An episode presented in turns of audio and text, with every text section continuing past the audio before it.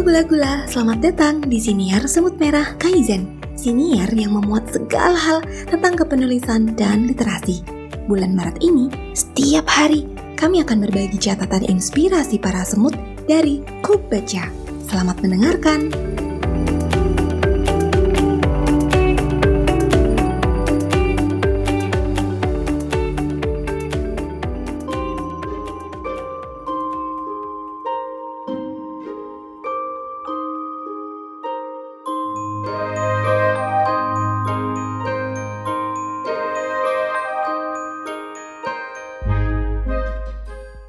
Review Nawila dan Hari-Hari Ramai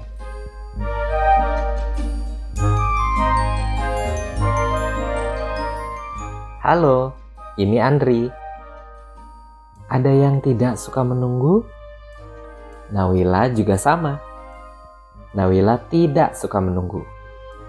Kira-kira seperti itu jika kita mendengar colotehnya setiap hari. Kali ini, Andri akan membacakan pengalaman salah satu semut, Fauzi, yang telah membaca Nawila dan Hari-Hari Ramai. Spoiler alert, bagi yang belum baca bukunya, lebih baik kenalan sama Nawila dari buku yang pertama dulu, baru dengerin obrolan kita. Serial Nawila bercerita tentang seorang anak kecil bernama Nawila yang tinggal di salah satu gang kecil di Surabaya bersama Mak dan Pak. Nawila bukan anak spesial.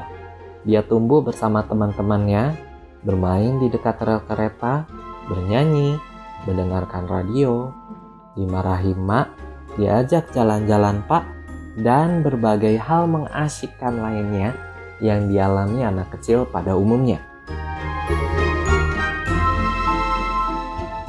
Buku kedua berjudul Nawila dan Rumah Dalam Gang.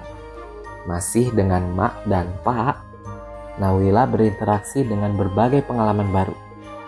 Dengan kacamata anak-anak, Nawila merespon dunia di sekitarnya yang kadang menyenangkan dan kadang bikin suram. Setelah Pak mendapatkan pekerjaan baru di akhir buku kedua, Nawila harus pindah Nawila dan Hari-Hari Ramai adalah judul buku ketiga. Buku ini terbit tahun 2022 dan saat ini gadis kecil itu menginjakkan kakinya di Jakarta. Kota besar yang kerap menjadi julukan warga sipil untuk mengadu nasib dan menggapai mimpi mereka. Waktu terus berjalan maju, meninggalkan kenangan-kenangan yang pernah terukir di benak Nawila kecil. Lingkungan baru, rumah baru, sekolah baru.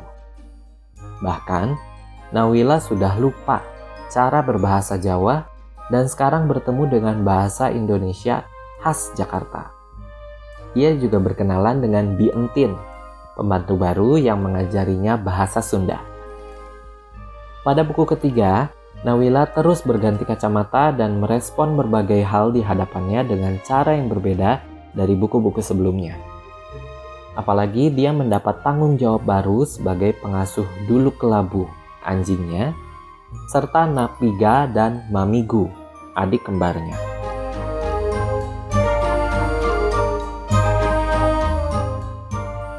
Menurut Fauzi, dia menyukai cerita Nawila karena pembaca bisa melihat diri gadis kecil itu bertumbuh. Di dunia yang bergerak, perspektif Nawila selalu berkembang dan berubah. Di awal, pembaca bisa mengeksplorasi kepolosan anak kecil. Beranjak dewasa, Nawila semakin banyak belajar. Masih suka ngambek, masih suka nangis. Tapi kita semua pernah merasakan itu kan?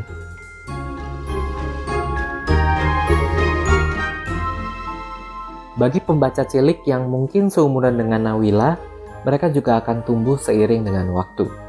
Reda, sebagai penulisnya, juga bilang bahwa banyak anak yang meminta kelanjutan cerita dari Nawila.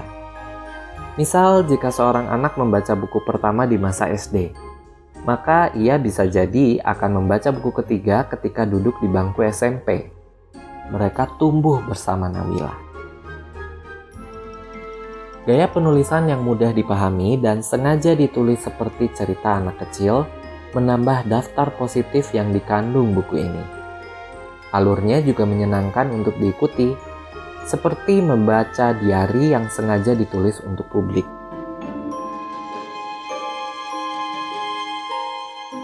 Reda Gaudiamo juga kembali bekerja sama dengan Cecilia Hidayat untuk menyelipkan ilustrasi-ilustrasi menggemaskan di buku ini membantu memantik imajinasi para pembaca kecil serta menghadiahi para pembaca dewasa. Minusnya menurut Fauzi, ada sedikit bagian yang membosankan dan terasa berulang. Bisa jadi itu memang sengaja ditulis karena sudut pandang anak kecil memang demikian. Terakhir, salah satu yang dirasakan selain bahagia dan haru adalah rasa nostalgia. Bagaimana kita semua pernah menjadi anak kecil dan kita lupa akan hal itu.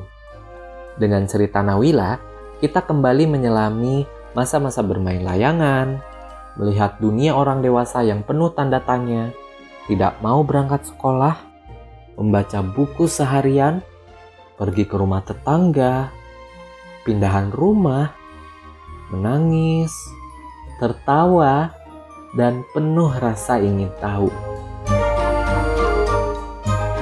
Jika kalian sudah membaca ketiga buku serial Nawila, bisa jadi kalian merasakan hal yang sama seperti yang Fauzi rasakan. Bisa jadi juga sebaliknya. Jika belum pernah baca, buku Nawila bisa kalian temukan di toko buku kecil di marketplace atau pergi ke perpustakaan yang mengoleksi serialnya. Itu dulu yang bisa kita bagi. Semoga review ini bisa menjadi ajakan untuk tetap membaca dan barangkali mencoba berkenalan dengan Nawila serta dunia masa kecil. Sampai ketemu lagi di episode podcast SMK selanjutnya.